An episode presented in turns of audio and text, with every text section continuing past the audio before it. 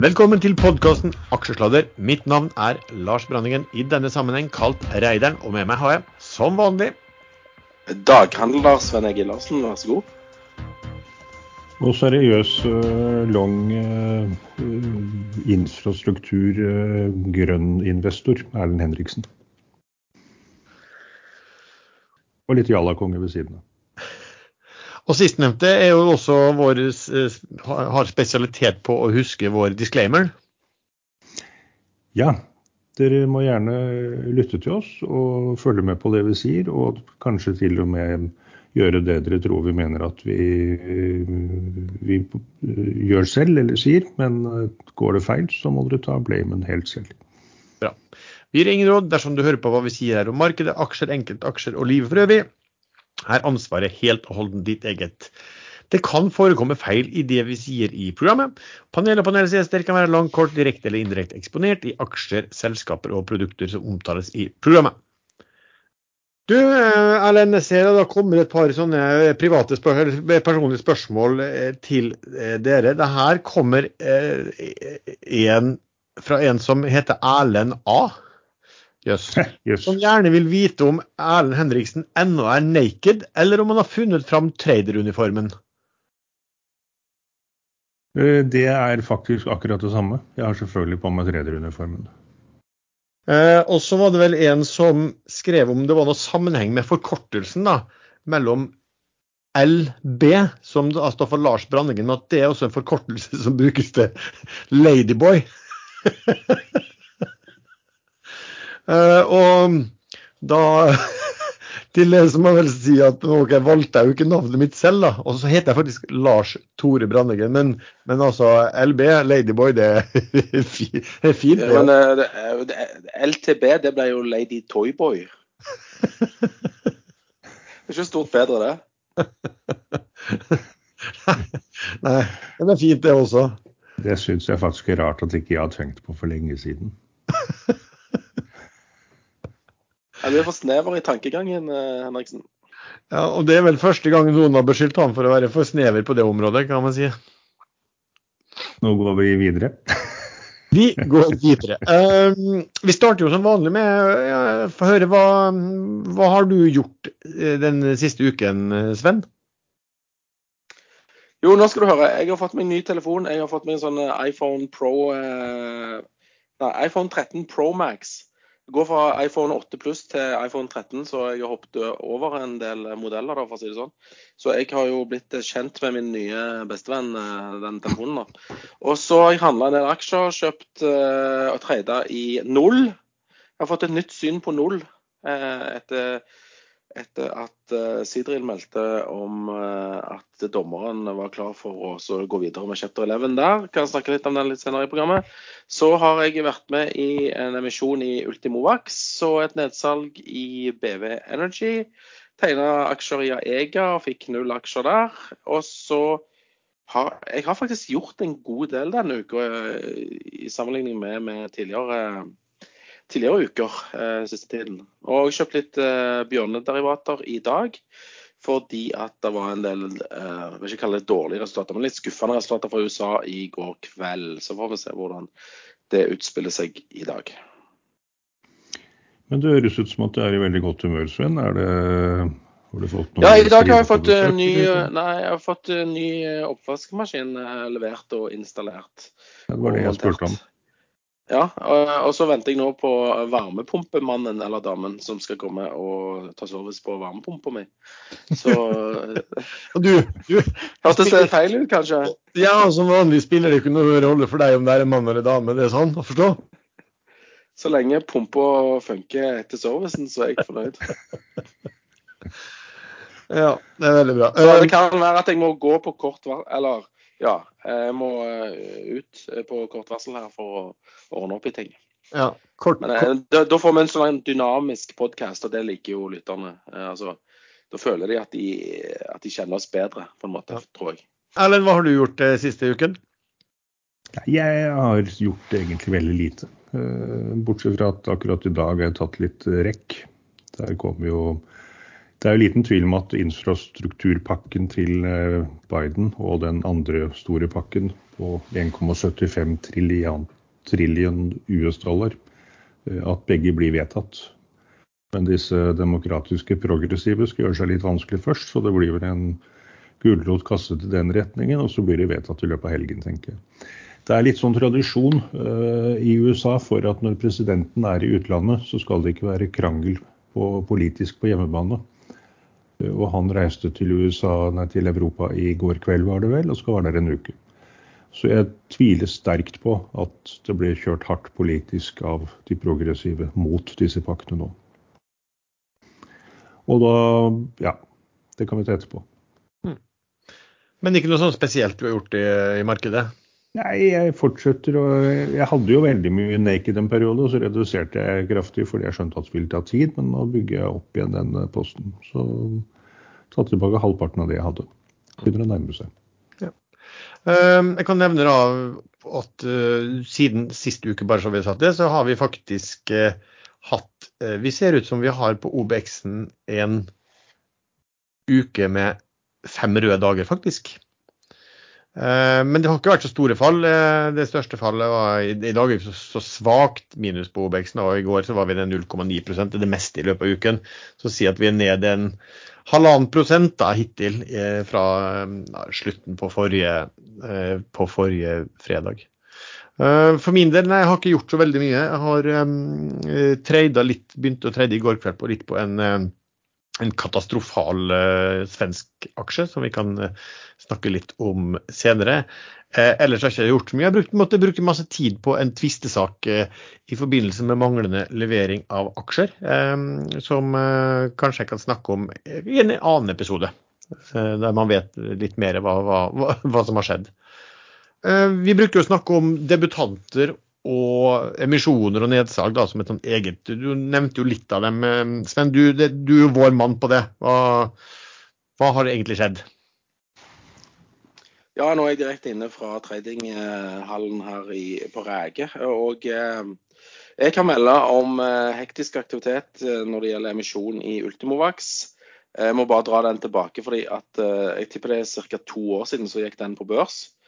Eh, og så ble jeg invitert til en sånn uh, møte, liksom. Eh, roadshow heter det da. Det var før korona. Så da eh, takka jeg ja til å bli, være med og høre på det. For jeg syns eh, i utgangspunktet at ideen til selskapet hørtes veldig lur ut. Så da troppa jeg opp vet du, på Hotell Atlantic nede i Stavanger eh, sentrum der. Og så er det meg og så en annen, han der salatbonden fra, fra Randaberg så sitter der vet du, med et helt kobbel av disse folkene fra Ultimoax, og så mye mat på bordet at du ikke aner det. Altså to stykker av meg. Så eh, IPO-en var det veldig liten eh, interesse for, i hvert fall på Vestlandet. Sånn at eh, jeg tegna ikke engang i emisjonen, og jeg tror tegningskursen var rundt 30 kroner. Men uh, nå henter de penger på nytt. Aksjekursen har bare gått rett opp fra 30, eller har ikke gått rett opp, han har gått veldig sideslengs, og så plutselig rett opp. Eh, til rundt 160, og de satte en emisjon på 125. Eh, og da tegna jeg, vet du. Så 100 kroner over. Da, da var jeg med. Fikk tildeling på 10% nei 12,5 eh, Kjente noen tusenlapper og var happy med det. Så eh, var det eh, i går et eh, nedsalg fra BWO, altså BV Offshore, i BV Energy, er det vel de heter. BWE. De ville selge 20 millioner aksjer på sikkert høyest, høyest mulig kurs, da, men uh, de fikk bare 28 kroner, som var et, uh, en rabatt på 15% Tegna der og fikk full tildeling, og da vet du når du våkner ah, søren om jeg jobber. Og så måtte jeg det og kom jeg ut med 22,8 øre i pluss, da. Så det ble noen tusenlapper der òg. Ja, var det noen flere da? Ja, Aego har vel eh... Ja, Aega, ja. Aega har jo holdt på med misjon nå i et halvt år, føler jeg. Eh, sånn at eh, den var endelig i boks. De skulle eh, selge mellom 8 og 18 millioner aksjer. Ble tegna 36 millioner aksjer. Så da ble den fulltegnet, og det ble utstedt 18 millioner aksjer til 1,50 pluss eh, to warrants, som er, er gratisopsjoner. Tegna aksjer der sjøl, eh, men jeg hadde ingen tegningsretter, så jeg fikk faktisk null aksjer. Men jeg fikk en, eh, eller får en hyggelig garantiprovisjon, da. Mm. Men er du happy med utfallet? Vil du gjerne ha til aksjer? Eh, I og med at jeg tegna, så ville jeg jo egentlig ha aksjer og Warren Spain 1,50. Ja, for at vi, vi, nevnt, vi nevnte vel en annen episode mens, du, mens emisjonen da var mer eller mindre i gang og det var klart at du var garantist. og Da ville du av gode grunner ikke uttale noe spesielt om det. Men eh, hvis jeg forsto det riktig, så var det også sånn når, når resultatet kom at man, de som tegnet seg og overtegnet seg og hadde tegningsretter, fikk ganske betydelig overtildeling. Var det riktig? Det virker sånn at um, 11, altså av de 18 millioner aksjene, så var 11,5 millioner aksjer én til én uh, per tegningsrett. De siste 6,5 uh, millioner aksjene ble fordelt på de som da hadde tegningsretter og hadde overtegna seg. Ja. Så de Så sa ja, 50% nesten overtildeling, da. Uh, ja, noen fikk uh, så vidt jeg hørte 100% men da har de, jeg vet ikke hvor mye eller hvor lite de har tegna. Men altså, det er jo sånn det skal være, at det kun eh, blir aksjer til de som faktisk har tegningsretter. Ja. Og ikke de der eh, grådige spekulantene som prøver seg uten. Noe du aldri har prøvd på selv. Jeg prøvde jo til og med jeg, jeg fikk ingenting. Men det regnestykket i Aega, hvis man eh, var blant de som kjøpte på kurs over to kroner for å få tegnet seg i emisjonen på 1,50 og Warrant på 1,70 og 1,90 var det vel. Eh, Nå er kursen 1,77,80. Hvis man nå kjøper samme mengde som man totalt ville fått med 1,50-emisjon pluss to ganger warrants, eh, hvordan ser det da nå ut? Nei, det ser vel litt dårligere ut, men eh, eh, bokført verdi eh, i Aega før eh, 1,50-emisjonen Da tenker jeg kun på 1,50-emisjonen. Den var ca. 2,25. Eh, med 18 millioner nye aksjer til 1,50 så blir ny bokført verdi på 2,05. Og så vil jo den reduseres litt til hvis 1,70 warrantsene blir fulltegna, og samme 1,90. Men 1, jeg tipper bokført verdier vil da ligge rundt 1,85 til 1,90. Hvis de to warrantsene blir fulltegna. Mm. Men, så, så du, for, for du har, men da har du jo en sånn Det her er jo opsjonsbetraktning. at Du, du har en slags teknisk verdi da, på, på de uh, warrantsene. Ja, uh, riktig. For det, det, det, det første warranten går ikke ut før uh, i mars 2022, og den andre warranten går ut i juni 2022. Så du har en ganske god tidsverdi, og det kan skje mye på, det, på den tiden. da. Ja. Og Men, bare for, eh, for, for å, for, jeg skal bare, bare for å forklare hva, hva vi mener med tidsverdi, så er det sånn at hvis en aksjekurs i dag står i 1,50, eh, og du får en rett til å kjøpe den til 1,50 om 12 måneder, eh, så er det jo ikke per definisjon akkurat nå noen verdi i forhold til forskjell mellom de kursene. Men du har da muligheten til at kursen kan stige i løpet av de 12 månedene, og det er tidsverdi. Så jo lengre tid du har, jo, jo, jo mer tidsverdi har, har du. Og hvis man skal blande inn det, altså jo høyere volatilitet på den aksjen, jo bedre vil det også være for tidsverdien. Rent sånn. Men hvis man eh, ser bort fra en del andre ting Uh, Hvis man ønsker 300 000 aksjer i den aksjen etter at man har innløst begge warrantsene, eh, altså på 1,50, 1,70 og 1,90, og nå kan man kjøpe den i markedet på 1,77,8, nå var den i 1,71. Uh, Bortsett fra at man da er mer låst med en gang. Hvis man nå plukker 300 000 aksjer, så, så i mitt hode ser det ganske likt ut. Sånn uh, snittkurs hva man ellers ville fått. Det er Ja. ikke fin, finregna på dette. Nei, men var det, var det ikke slik at du kunne kjøpe én altså hvis du bare tenker sånn én aksje til 1,50 og retten til én på 1,70 og én på 1,90? Var ikke det det sånn, Sven? Jo. Ja, da blir jo, da blir jo snittkursen, da, vi- hvis du ikke hadde overtegnet, fikk overtegning, altså snittkursen din blir jo øh, uansett da øh, 1,70. er jo Ja, pluss, eh, pluss tapet du fikk på ikke å selge tegningsretten i markedet. Men det hele går jo igjen på da, hva, hva, skal disse, hva er warrantsene, hva er tids, tidsverdien. Den får, du, den får du ikke med i det regnestykket, da, bare sånn om det var smart eller ikke. Men eh, skal, de- skal de warrantsene, blir de, eh, kan du handle de i et, noe marked, Sven? Blir, blir det Du kan ikke handle det. De vil ikke bli notert, men de kan handles for de registrerte VPS. Da kan vi ta et eh, tema som litt eh, mange har interesse i. Det skjer jo ganske mye, vi, vi har snakket ganske mye om det, men det skjer ganske mye innenfor eh, rigg-segmentet. Eh, og tenkte du, Jeg vet at det skrives mye om uh, Noll, som du kan, og kan godt, uh, Sven. Og det snakkes mye om Seedwheel, som Erlend har snakket om. Det har vært mye snakk om Deep Value Driller. Det har vært mye snakk om Valaris. Hva, hva er det nå som skjer innenfor det segmentet her, Sven, og med de mest spennende aktørene? Nei, nå virker det jo som at det er en ny ny oppgangsperiode på gang, og det har han vel nevnt nå i, i flere episoder. Eh, Valaris f.eks. tok ut en, en ny, en nytt drillskip, altså ikke et nytt drillskip, men et drillskip som har ligget i coldstacka en god stund, og, og putta den på kontrakt. Sånn at eh, nå tas det ut eh, enheter som har ligget i opplag. Så det er, må jo være positivt for eh, riggbransjen. Når det gjelder Seadrill, så meldte de at uh, dommeren har godkjent opplegget til uh, Chapter 11-planen. Uh, Dvs. Si at strategic, strategic, Value Partners, SVP, som da eier Dolphin Drilling, de har motsatt seg dette forslaget her ganske lenge. Men har da bøyd av og sagt OK, kjør på med, med backet. sånn, er de bøyd av, eller ble de overkjørt? Potet og potato, jeg har ikke peiling. Men uh, noe, noe, har i hvert fall skjedd. Kanskje de har fått lovnader om å få lov å kjøpe noen rigger. Fordi de er på jakt etter, etter rigger. De har uh, som sagt kun disse her uh, gamle Fred Olsen-riggene, og der er det vel bare én rigg som er forholdsvis ny. Men de har sikra seg opsjoner på disse to Avilco drilling-riggene på verftet nede i er det Singapore? Jeg tror det var Singapore. De har ikke kjøpt de, men de kan få kjøpe de til en god del billigere enn nybyggingskost. Så da har de muligheten for to helt nye hypermoderne harsh environment-rigger.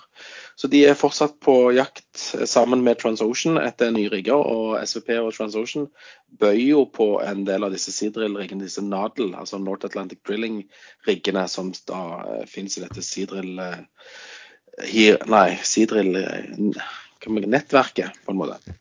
Og så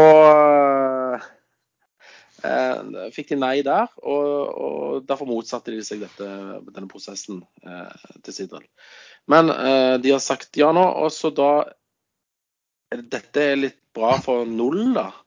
Eh, som jeg trodde skulle gjøre en emisjon, for de trenger jo penger. De har et lån på en av riggene som forfaller nå i desember, som de er nødt til å betale tilbake eller refinansiere. Og, det har vært venta i markedet at de må gjøre en emisjon. Men det som ryktene og sånn går på nå, det er at TransOcean er den hvite ridderen som kommer inn og skal ta over driftingen av Vestmira, som ligger i varmt opplag i Norge. Og i tillegg eh, ryktes det at de vil gå inn med en direkte eierandel i en retta emisjon. Og eh, at når eh, kontrakten til Vest Bolstad med Lundin er ferdig, så kommer de òg til å overta driften av den riggen med sine, sine tjenester. Det er per, per dags dato Sidril som fortsatt drifter eh, Bolstad, mens Mira, der har de kicka ut Sidril. Så der venter de på en ny driftsorganisasjon. Så når det, gjelder, ja, når det gjelder en deep value drilling, så har jeg ikke hørt uh, et pip siden sist. Nei, den, men den har også vært litt interesse for at man snakker om at den kanskje kan eh, Når markedet er på vei oppover og det er flere som får ordre, så, så at den går Den er vel, den er vel uh, coldstekt, og så må den vel da brukes en del penger på å få den Jeg tror det, var, tror det var snakk om 35 millioner dollar for å få den i gang. Ja. Og det, men dette coldstacka drillskipet til Valaris Eh, der det venta en EBITDA på 70 millioner dollar i den kontraktsperioden. Men de må òg bruke 35 millioner dollar for å reaktivere eh, båten. Så da forsvinner plutselig halve EBITDA-en. Ja. Men jeg så at ja, men det var vel en overraskelse at uh, Valaris fikk en ordre hvor de kunne ta ut i hvert fall det ene fartøyet ut fra coldstekt. Altså Coldstekt betyr vel egentlig at ja, det ligger i opplag og at uh, det er en hel del som må, som må gjøres for, uh, for, at det helt tatt skal komme i, uh, i, tilbake i drift. Mens warmstekt, Sven, hvordan, hvordan, blir det liksom?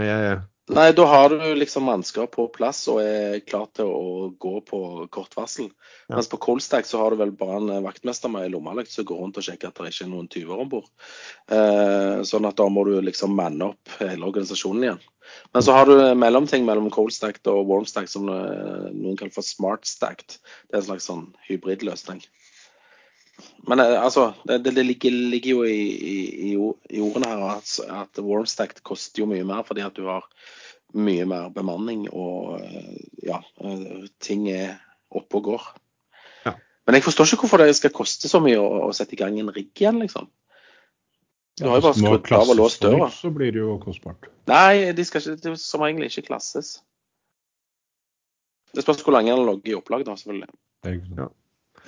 Men Eh, eh, det som er helt sikkert, er at hvis det nå plutselig ikke blir eh, den forhåpentlige oppgangen i riggmarkedet, så, så er det mange som går på en smell her. Det er jo ikke noe Tror du ikke på oppgang i riggmarkedet? Ja, hvorfor skal det egentlig bli så vanvittig oppgang der nå? For det har vært underinvestert i oljesektoren siden 2014. Jo, men det er jo fremdeles sånn at store fond, markedsaktører, ikke lenger tør eller kan kjøpe disse aksjene. Ja ja, det er greit nok, men det virker jo som fak- faktisk verden fortsatt trenger litt olje, og til og med litt kull, faktisk. Kull har jo vært i skuddet som aldri før. Jeg, er ikke like, jeg liker ikke folk som ikke holder avtaler. Den varmepumpepersonen skulle vært her 12.30, nå er han 12.50. Men eh, når det gjelder da Noll, eh, Sven. Hvem, hvem er, er det Fredriksen og co. som er liksom største storeier der fortsatt, eller hva har skjedd? Hvordan ser det ut? Det har ikke skjedd noe siden, eh, eller på, på eh, egenkapital siden, siden den emisjonen på 49 kroner. For lenge, lenge siden. Eh, Så eh, ja, det er Fredriksen som styrer skuta der. Men han er jo så interconnected med Sidril at eh, ja. De, de måtte vente på at uh, Sidril og null eh, settlementen blir uh, gjort offentlig. Og den kunne kun gjøres offentlig etter at dommeren godkjente Sidril sin chapter 11-prosess. Grunnen til at jeg var litt uh, distrahert, var at jeg fikk en tekstmelding fra min sønn i familieaksjechatten vår, hvor han skrev at det er den våteste oktober noensinne. Så det tok litt tid før jeg skjønte at det var været han snakket om. Vi kan gå videre. Men, men hør, hva med spekulasjonene da? Er det at, eh, at de skal hente penger og at uh, TransOcean skal komme med de pengene, eller er det at uh, rett og slett at TransOcean kjøper seg inn på annen måte via aksjer eller, at, eller full sammenslåing, eller hva, hva er liksom Nei, Det går sterke rykter i bransjen at uh, Jeg hørte først at uh, TransOcean skulle kjøpe disse to riggene. Eh, men eh, mens jeg har snakka litt med folk, så mener de at nei, de skal kun inn og drifte eh, de to. men òg bli en partner sammen med resten av aksjonærene. Fordi at det er ingen Altså, Null trenger jo penger. Og noen må skaffe de pengene. Så jeg har jo syntes det har vært rart at den emisjonen som jeg trodde skulle komme, ikke hadde skjedd ennå. Så ja, vi får se hva som skjer, men det er noe som, det er noe som skjer. Denne episoden er sponset av IG.com. IG er en internasjonal tradingmegler med over 45 års erfaring og kontor i Stockholm. IG tilbyr tradingmuligheter i bl.a. aksjer, indekser, valutaer og råvarer. Og med deres turbovarenter kan du også handle døgnet rundt. Åpne en konto i dag, last ned appen eller besøk ig.com. Husk at all handel med finansielle instrumenter er tilknyttet risiko. Lenken til IG finner du i beskrivelsen til denne episoden.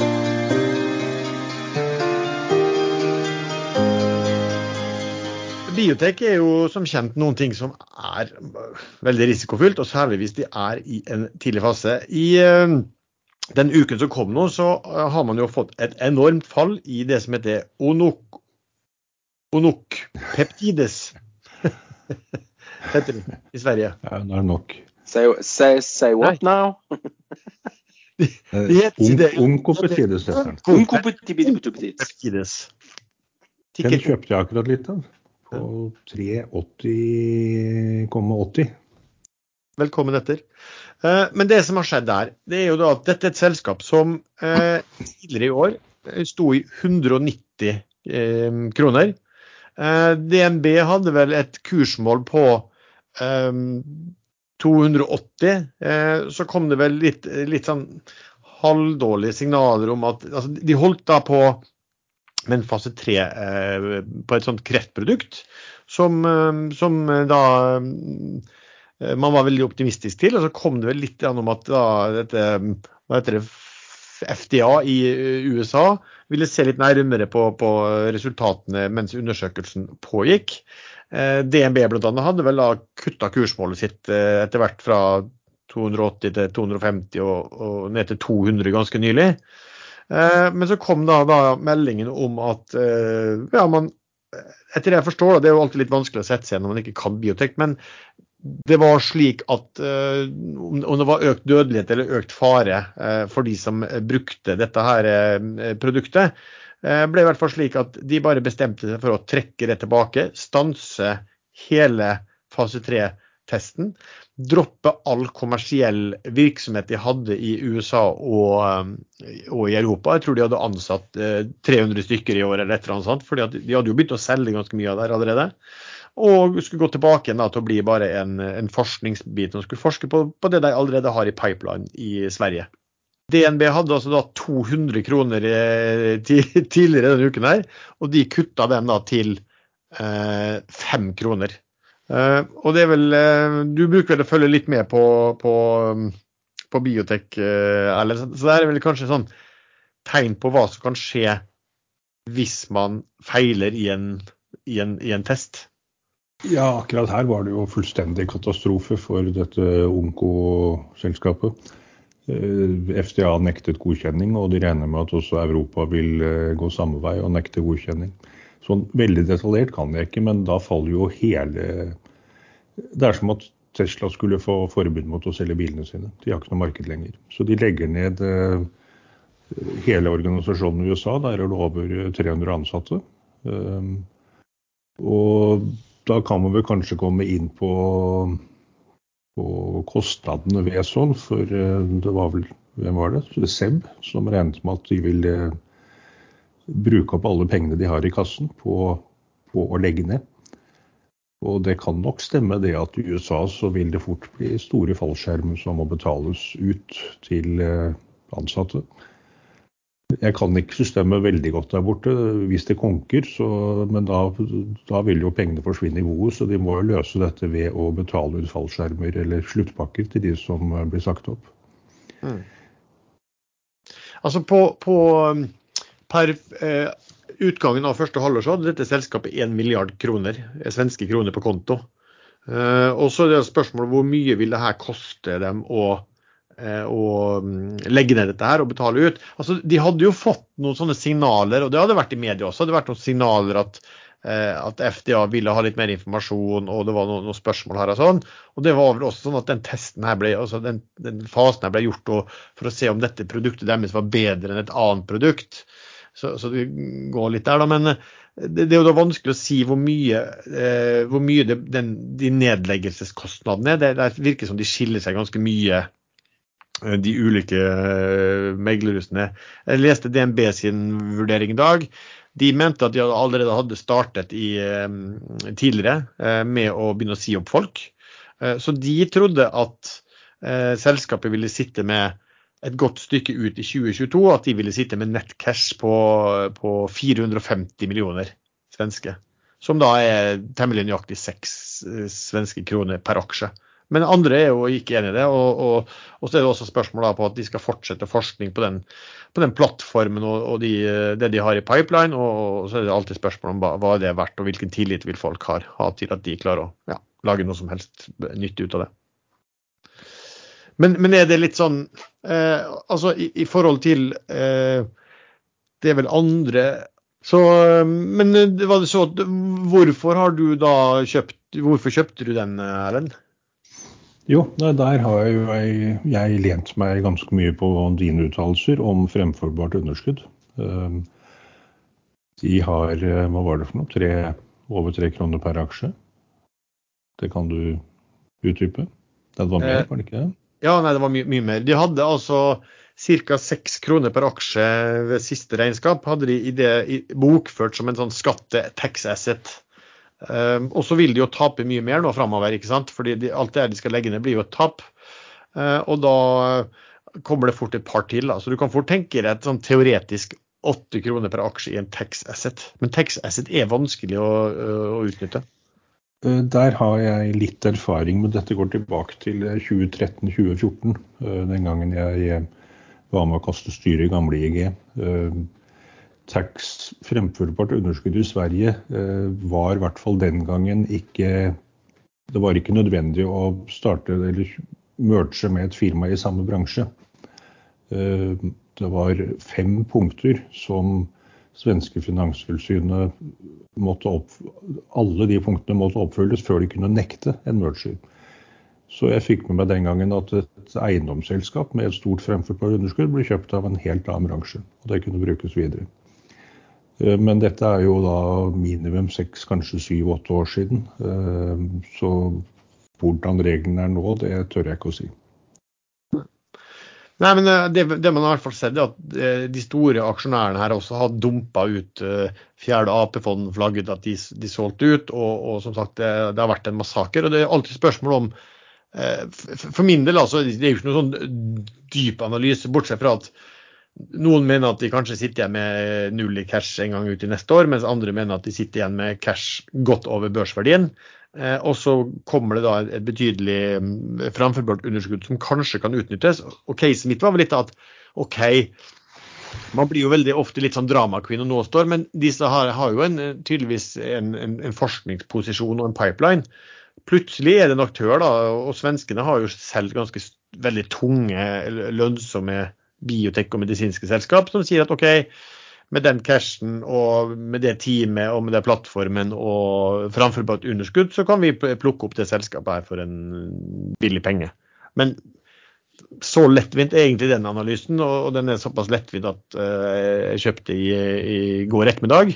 Uh, og sitter egentlig og følger med på det. og det, her, blir, her, blir, det sånn, litt sånn stopplåsgreier. Det kan fort bli galskap både nedover og, og oppover. Men eh, det ser ut som det har liksom stabilisert seg eh, en del i dag. Da. Den er vel opp 4 eh, hittil i dag.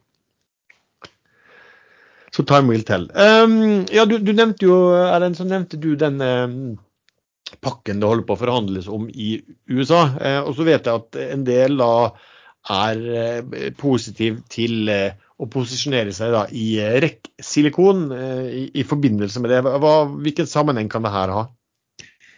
En ting er jo at eh, det er de som kjøper eh, produktene som REC eh, via andre produsenter i USA selger videre. REC lager da på, laget på Moses Lake disse waferne, er det vel, som solcellepanelprodusenter bruker til å lage sine paneler. Og der har man jo denne Group 14 som har vært aktuelle. Og både kjøperne eh, får eh, relativt store subsidier for å kjøpe, men også produsentene skal nå få kraftige subsidier eh, for å produsere dette i USA. Så Biden kjører jo Trumps maga, 'Make American Great Again', nesten hardere enn Trump gjorde, med make, made, 'Make and Made in USA' på alle komponenter, hele, hele pakka. Så da skal det veldig mye til at uh, Moses Lake ikke nå får startsignal, som selskapet har annonsert en stund. Uh, men pakken er jo ikke vedtatt ennå. Uh, Biden har gått hardt ut, og Pelosi har prøvd å kjøre den gjennom. Og så er det et par progressive demokrater som sutrer litt. Men som jeg nevnte innledningsvis, så blir de sikkert happy bare de får en liten gulrot, og så blir pakkene kjørt gjennom. Og da tror jeg det går ganske fort. så REC har allerede i dag dratt opp uh, ganske pent. Uh, og den var på 12,50 for en ukes tid siden, eller et par uker siden. Uh, nå ligger den på Hva er den på nå? 15-tallet et eller annet sted. Så da har jeg posisjonert meg litt i den i tilfelle det faktisk slår til. 15,50 er den på nå. Men tror du pakkene kommer før eller etter jul? Nei, jeg tror de kommer nå. I dag eller i løpet av helgen. Førjulspakker, altså? Ja, førjulspakker, ja. Det er, det er halloweenpakker. Så der skal man kanskje være litt forsiktig. Det kan jo være litt skremmende. Ikke sant. Det var snakk om noen sånn tax credits for, eh, for bransjer som Ala eh, rekk-silikon. Men, men er, liksom, er det åpenbart at det uten at man vet hva det vil være nok til at man skal kunne åpne den der Moses Lake-fabrikken? For, for, det er vel det alle tenker på? Ja, det er jo det de er helt avhengig av. Eh, REC har jo en annen fabrikk i USA som heter eh, Botte, eller Butte, eh, og den går jo med overskudd. Men det er Moses Lake som man håper på kan dra dette kraftig opp. I hvert fall så vil forventningene til at det skal bli pluss på bunnlinjen, dra dette kraftig opp. Og så vil jo tiden vise om de faktisk sender penger på det. Mm. Sven, vi er jo midt i rapporteringssesongen. Har du, har du liksom fått med deg jeg regner med at du følger med, og det er vel ikke så lett å få alltid så mye mer enn headlines. Men er det noen ting du, du har mm, ja, reagert på eller konkludert med hittil i rapporteringssesongen? Uh, nei ja. Nei, altså.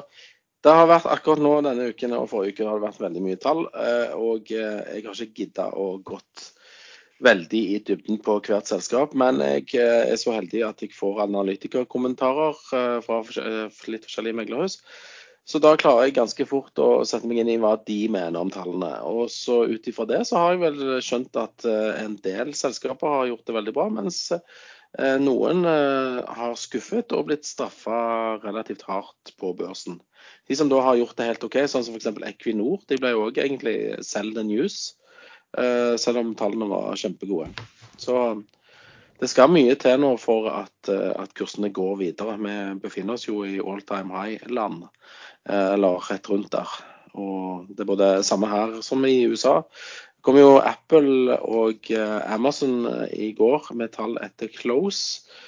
Uh, tallene var vel svakere enn venta for Amazon i hvert fall. Når det gjelder Apple, så vet jeg ikke om tallene i seg selv var svakere enn venta, men de guida ikke på, på, neste kvartal, og skyldte vel litt på dette med, med mangel på innsatsfaktorer, som veldig mange andre òg gjør. De satte jo et uh, tall på det. Tim Cook mente at det hadde kostet dem 6 billion dollar. 6 milliarder dollar. Ja. Denne knappheten på komponenter. Ja, og, og, og, da kan vi dra tilbake til denne nye bestevennen min, denne iPhone Pro Max 13-saken. Uh, og, og det er mange uker siden jeg sa nå har jeg bestilt ny telefon. Det tok, det tok seks uker fra jeg bestilte til han kom. Så ting tar tid. Jeg har faktisk vurdert å kjøpe selv nå, for jeg tror dette blir verre. Det blir ikke bedre. 2023 tror jeg så du, ikke ja, Så jeg kan egentlig selge telefonen min til neste år for dobbel pris, hadde jeg eh, ga fra? Det kan du helt sikkert. Det garanterer jeg. Ja, fint. Takk. Ja. men, det, men det er jo da sånn at når Apple som en virkelig big gun har mangel for mangel på komponentleveranser. Eh, jeg vil jo tro at de eh, kanskje står først i køen eh, for de som skal få. Så når de melder problemer, så kan vi være ganske sikre på at det er mye verre problemer for mange andre. Og det har vi vel også sett litt på børsen også. Men spørsmålet er om hvordan det vil har vi bare sett litt av det i Q3, eller vil vi se mye mer av det i Q4 og, og, og ja, neste kvartalen også? Ja, vi, vi holder på å bygge en sånn rekkehytte oppe i Sirdalen. og Der fikk jeg akkurat mail fra kjøkkenleverandøren som skal installere kjøkkenet i neste uke, at uh, Siemens kunne ikke levere to av de tingene som vi hadde bestilt. da. Og vi kunne ta noen erstatningsvarer fra Bosch som ligna litt. da.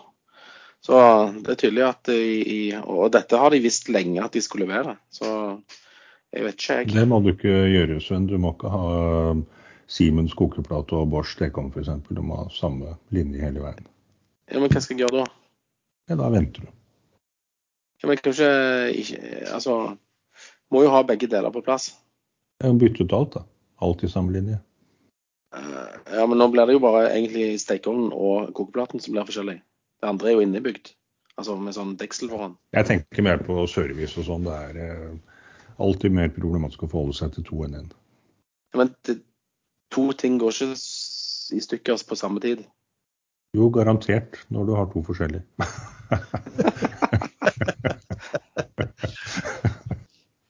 Ja, ja. Men jeg, Nei, men- bare sånn legge inn et godt ord for Siemens. Jeg kjøpte Siemens eh, vaskemaskin og tørketrommel jeg bygget om mitt eget hus i 2005. De er like fine ennå, de. Og Det var jo top of the line den gangen med masse elektronikk, så jeg trodde de holdt i fem år. Men nå har de holdt i mm, 16.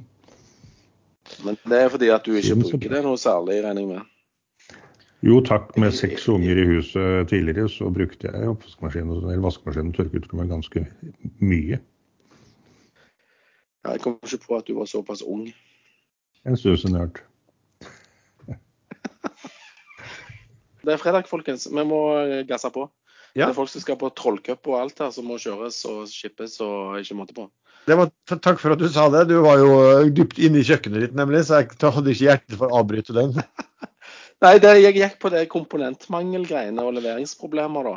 Jeg prøvde, prøvde å flette det inn i en hverdag som lytterne kunne kjenne seg igjen i. Så takk for at du setter kritiske eh, blikk på alt jeg sier. Ingen problemer, du er hjertelig velkommen. Um, Erlend, nå har vi ikke med oss gameren, for han kan jo dette, men eh, det er jo mye galskap inn i eh, krypto. Uh, og det er noe som heter Shiba Incoin, som er helt galskap. Har Det en fin, eh, fin liten coin. Eh, Den har gått 69 millioner prosent på ett år. Og da, da er det fremdeles eh, Det er selvfølgelig noen som treder. Det var en på som tredet den i går kveld, og han fikk faktisk fullt full treff på den treden.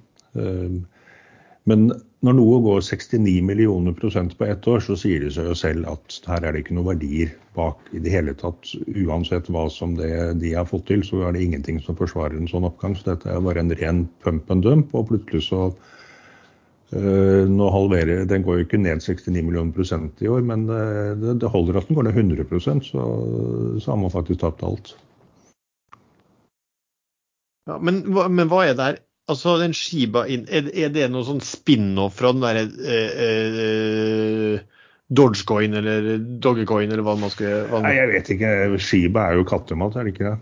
Eh, Så da man både hund og katt i kryptosammenhengen nå. Nei, jeg aner ikke. Jeg kan ikke noe om den. Eh, Men jeg, selvfølgelig skulle jeg jo veldig gjerne ha kjøpt den for et år siden. Da. Selv jeg hadde vært fornøyd med 200 oppgang òg, jeg. 69 millioner prosent, så er det Du hadde lest et eller annet om en som hadde kjøpt noe greier? Ja, det er folk som har lagt ut på nettet en eller annen sånn at det, det, det kunne se ut som det her var eh, At det var noen som hadde kjøpt eh, for 10 000 dollar i fjor en gang. Og i den derre Shiba-coinen. Og, og den var verdt 5,7 milliarder nå. Om det til og med var i dollar også.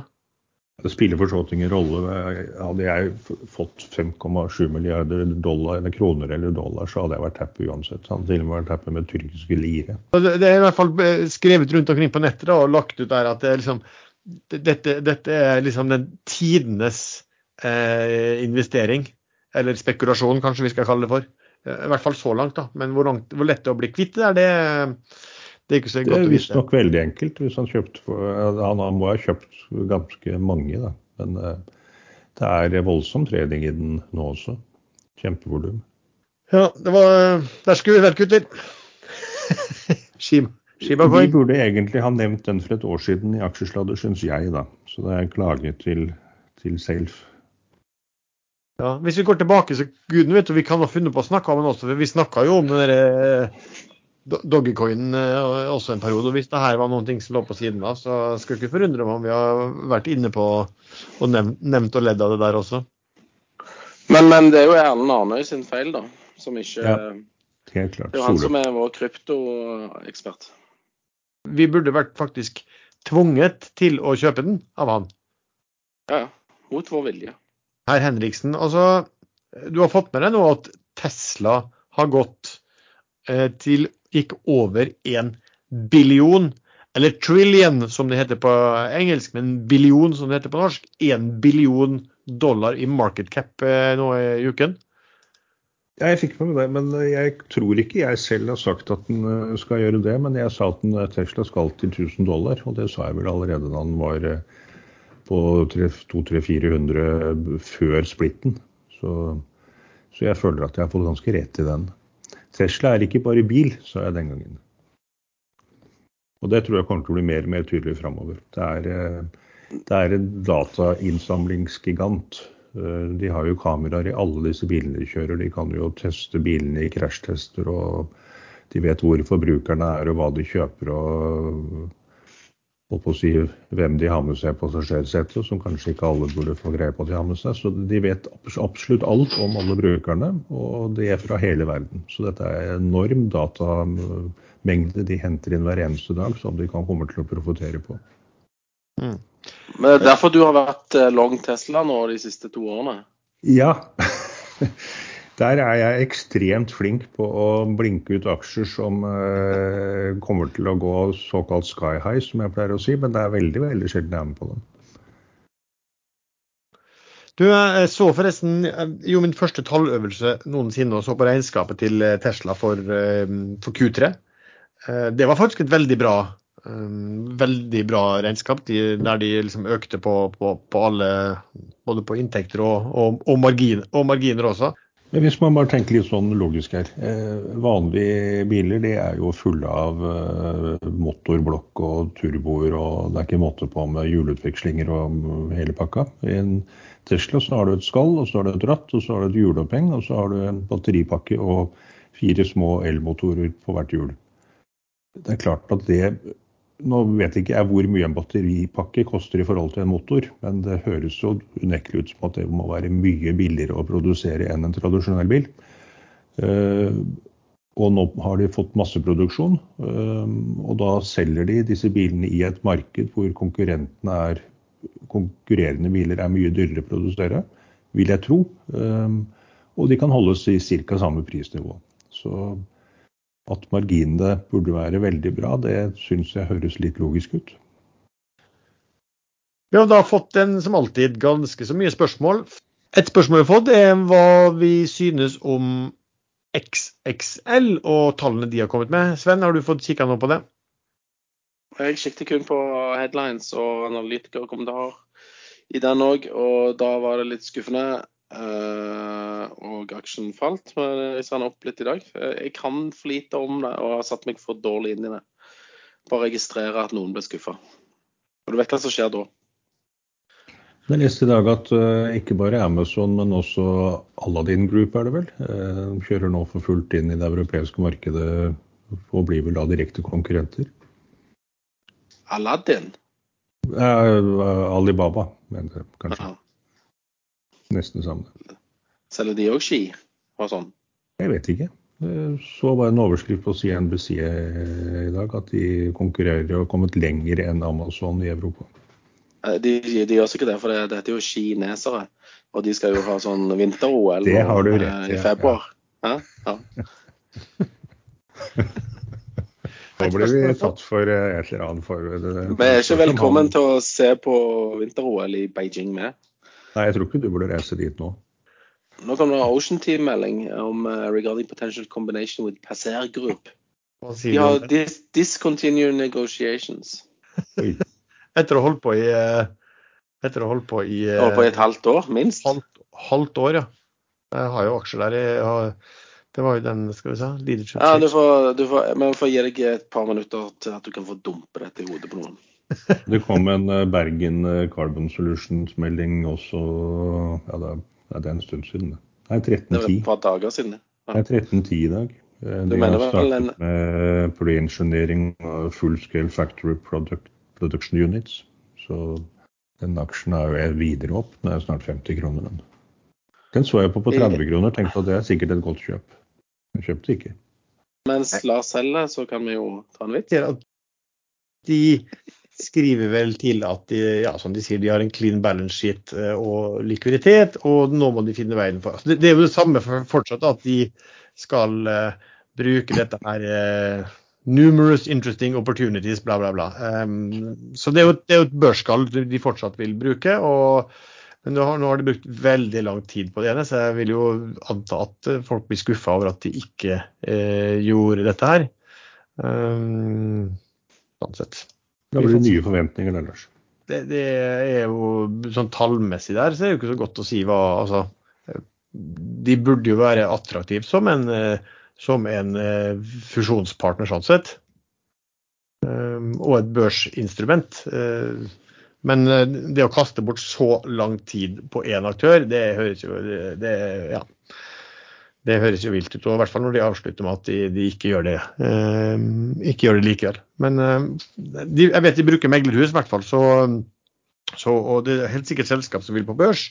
Og disse her har jo altså, Vi, har, vi snakka om framførbart underskudd og skatt, potensielle skatteverdier for, eh, for uh, uh, det svenske biotekselskapet, og de her har jo virkelig mye. Men igjen, det skal det må jo finnes en vei til å utnytte det også. Så det blir jo spennende å se da, hva, hva, de eh, nå skal eh, finne på med, med det, det, de holder på med. Og det, jo, det de har igjen, er jo, det er jo sånn kabellegging til eh, offshore vindparker. Det er vel egentlig det de, de holder på med.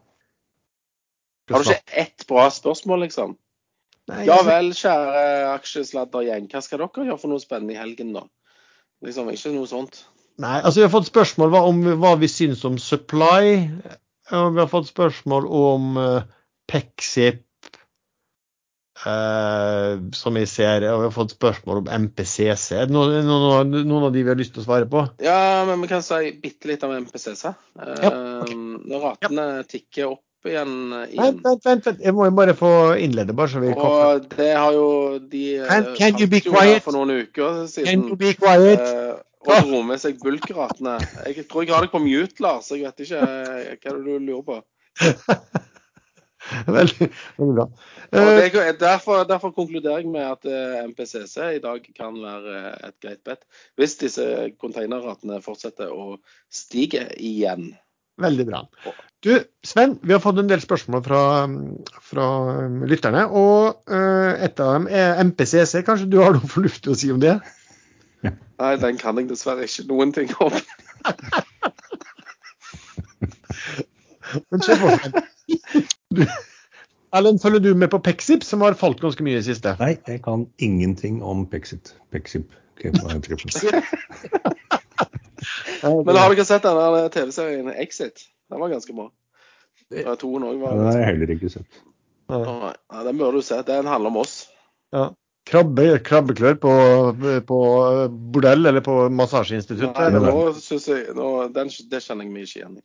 Så det, er, Sven, så det er derfor du gjerne vil ha litt mer sånn personlige spørsmål om hva vi skal i helgen og hva vi har gjort på kveldstid og sånn? Ja, altså de, de, må jo skjønne at vi lever jo mye mer interessante liv enn en, en de fleste av våre lyttere. Så, så de, de, har sikkert lyst til å høre hva vi, eh, sånne finanskjendiser, eh, bruker helgene våre på. Nå kom jo uh, Siem Offshore var vel det første av disse supply-selskapene som kom med tall. Og så, som jeg snakket om her, så er det sånn at det kan se ut som SR-Bank som har solgt seg langt ned. At de er um, ja, ferdig, i hvert fall. Uh, ja, ferdig solgt. Uh, Sven, men så har vi et spørsmål. da. Uh, hva tror man om, liksom, om Vi har om rigg. Hva tror man om supply? Bransjen?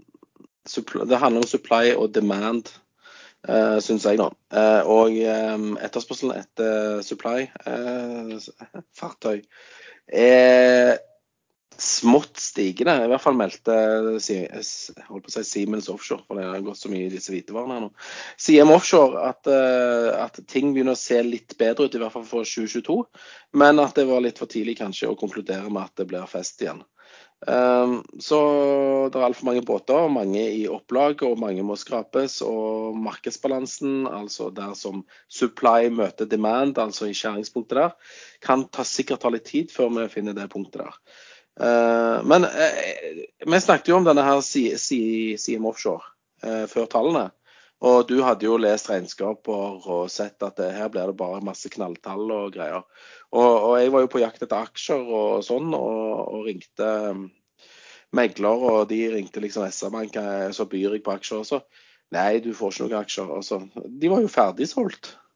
Det syns jeg var veldig, veldig dårlig gjort. Du kunne jo bare sagt det, vi har ikke mer igjen, eller istedenfor nei, du får ikke. Ja, ikke sant. Kunne man kjøpt aksjer der på kunne du kjøpt på lavt 250-tall i hvert fall? Noen veldig 250, ja, ja, 250. Ja, det var vel eh, halvannen uke siden. Eh, ja, du kan få så mange aksjer du vil på 2,5. Men da vil jeg jo ikke ha. Når du ville, når vi har vi, vi to, begge to var vel på jakt etter, da, da sa de bare at nei, vi, vi vil ikke selge. Nei, du får ikke. Ja, vi vil ikke selge. Nei vel, kommer de ikke med noe motbud heller? Nei. Altså, men så viser jo aksjonærlisten som de da eh, CM Offshore oppdaterer en gang i kvartalet, eh, viser jo at de nå var ute av listen. Tallene sånt på Siem var vel det var som du sa, at det var en viss bedring. Jeg hadde håpet at det skulle være enda bedre, men de viste vel også fram da at de hadde noe tap på fordringer, og så hadde de noe valutatap, som man kanskje skal se litt bort fra. Men i hvert fall, så det ser ut som bransjen er i enighet. Jeg vet at noen er for, forhåper at, eh, at andre av disse supply-selskapene også kan gå i minus, nei, gå i pluss i Q3.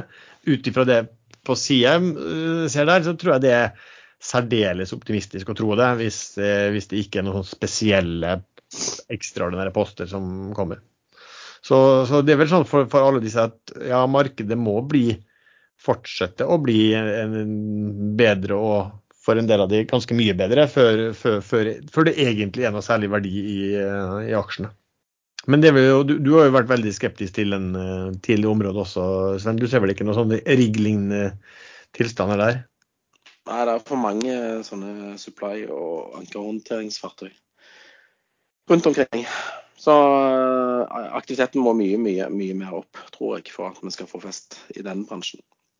Men hvis, eh, men hvis riggaktiviteten tar seg opp, så tar jo også supply-aktiviteten seg opp. ja, ja, selvfølgelig.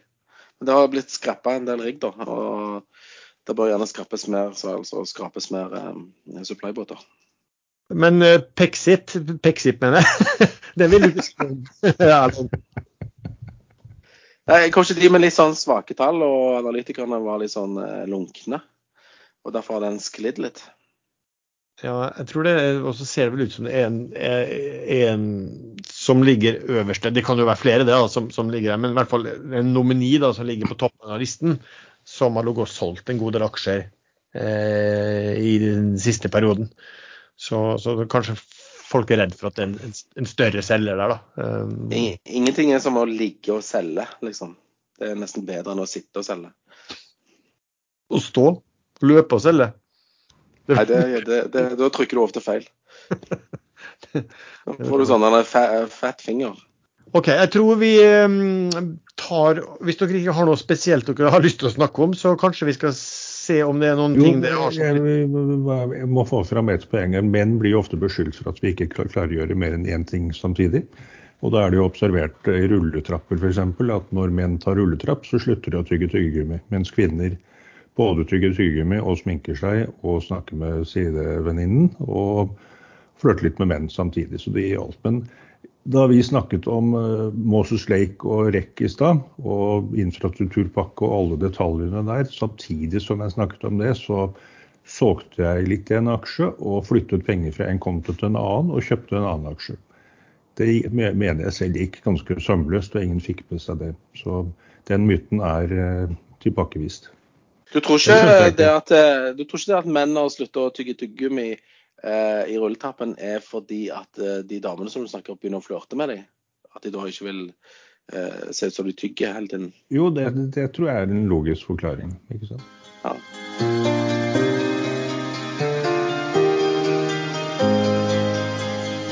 Dette er et sponset budskap fra DNB ved Knut Johan Hellandsvik, aksjesjef i DNB Asset Management. Den første aksjen jeg kjøpte var i en eh, lokalbank. Eh, og Den gangen så måtte du ringe eh, til din lokale megler og legge inn en ordre på telefon. Da var jeg 15 år gammel. Så den gangen kunne man få kursene på tekst-TV. Og, så hadde jeg et millimeterpapir som jeg rappa fra mytteren. Og der kunne jeg plotte aksjegrafen etter hvert som kursen utvikla seg. Min portefølje består primært av eh, aksjefond, eh, og store, brede eh, aksjefond. I tillegg til en del enkeltaksjer, og også investeringer i startup-selskaper. Og Grunnen til at det er nesten bare aksjer, er at jeg har en langsiktig perspektiv på investeringene mine. Minimum 20 til, til 30 år. Når man skal investere, så er det viktig å vite hvilken tidshorisont man har på pengene. Dersom man trenger pengene om et år, så skal ikke du putte alle pengene i aksjer. Som vi lærte i fjor, så falt aksjemarkedet ned 33% i løpet av få uker. Det kan skje. Ehm, så med kort tidshorisont, mindre aksjer, mer kanskje bankinnskudd eller i rentepapirer. Men har du en tidshorisont på mellom fem og syv år og lengre, så anbefaler jeg å putte penger stort sett i, i aksjer og aksjefond. Nå er vi så heldige å ha en app, og i DNB heter det Spare, eh, altså Spareappen. og Der kan du se alle dine investeringer eh, gjennom appen, og du kan handle fond og enkeltaksjer Eh, og ha full oversikt. Når jeg holdt på, så var det å, å spare på sluttsedler og, og, følge med på, på kursene som du fikk på tekst-TV, og bruke kalkulatoren for å finne hva porteføljen var verdt. Mitt beste investeringstips er å sette opp en månedlig spareavtale og begynne tidlig.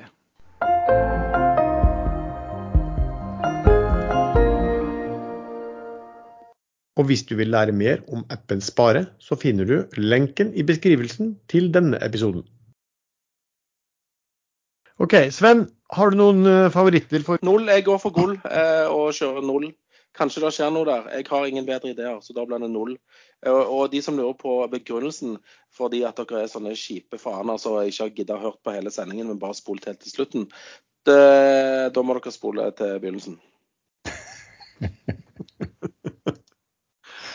Kort og greit. Det skal ikke være lett å tjene penger, bare så dere vet det. Erlend? Uh, ja, jeg nevnte jo REC, og det, det, tror jeg den kursen drar oppover, den. Men uh, jeg tror ikke den blir solgt ned på slutten av dagen i dag. Uh, men den kan selvfølgelig bli solgt ned på mandag hvis det ikke kommer noe news i løpet av helgen om at de har blitt enige om tiltakspakkene. Men uansett så vil dette bli vedtatt. Det er jo snakk om dager eller maks uker. Så kommer. Så der er jeg faktisk høyst sannsynlig litt long framover. Ellers så er det disse vakuumcasene mine, Sidrill og Prosafe, men eh, man vet aldri når det stikker, så jeg har redusert en del i begge. Eh, nei, jeg har faktisk holdt meg helt ut av begge, eh, men skal nok inn igjen og prøve å time, flakstime, og bli med på en vakuumrally begge to. Og så er det denne Onky Peptides, da. Der eh, økte jeg, det var den jeg økte i stad jeg snakket om REC.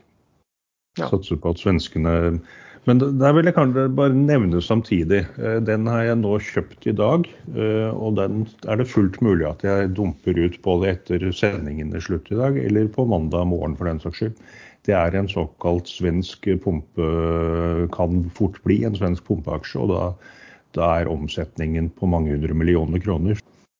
For min del så det er litt sånn som deg. Jeg har jo da onkopeptides. Um, og det, altså, I går så gikk det faktisk 50 millioner aksjer, eh, hvis jeg så det, leste riktig på ekstrainvestor. Og av 75 millioner aksjer totalt, så det var en enorm uh, omsetning på den. Ikke like mye i dag. Uh, som sagt, jeg kan jo ingen, absolutt ingenting om, om liksom hva selskapet holder på med. Og det er vel bare en hunch om at her kanskje det kommer en rekyl, og kommer ikke den rekylen, så gjelder det å å komme seg selv ut før tapet blir for stort. Eh, så det er litt sånn Man satser på at gutta, gutta på Stureplan skal finne på noe, noe, noe, noe morsomt med den. Ellers så Nå i dag har jo Saga kommet tilbake. altså Bergen Carbon Solutions har jo gått veldig bra i det siste. og Det var jo, som jeg nevnte forrige gang, at Saga hadde uh, ikke blitt med på den, som jo, som jo eier, storeier av Bergen Carbon Solutions. Eh, men det har de gjort nå. da, Den er også pent opp i løpet av denne, denne her eh, siste, eh, siste uken, sånn sett. Bortsett fra det så er det ikke noe sånn, sånn spesielt. Jeg sitter jo nå som jeg nevnte i dag, så jeg hadde, Min Black Swan var jo at sentralbanken skulle miste fullstendig kontroll i løpet av 2021. og Det er jo ikke så lang tid igjen. så så hvis den skal være, så må, jo, må det jo begynne å nærme, nærme seg krasjnivåer. Men det, krasj, ingenting krasjer når man selv påstår at det skal det, Du er ikke så flink på disse Black Swans. I fjor var det jo uh, borgerkrig i USA, i år var det full krasj i Det funker ikke så bra for deg, dette.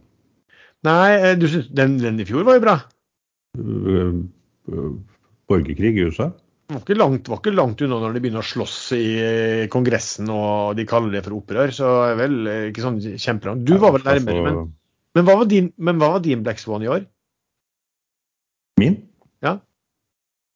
Nei, det ble, det ble en uh, nye Du runder med korona, mener jeg det ble i år. Du stammer så mye at det hørtes ikke ut som den gikk helt veien.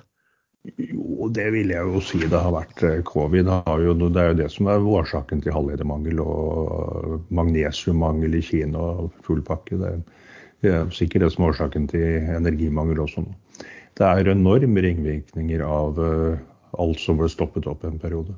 Men børsen, den går bare opp, opp, opp. Den går opp, ja. Sånn Så da må man være med, helt til man ikke burde være med lenger.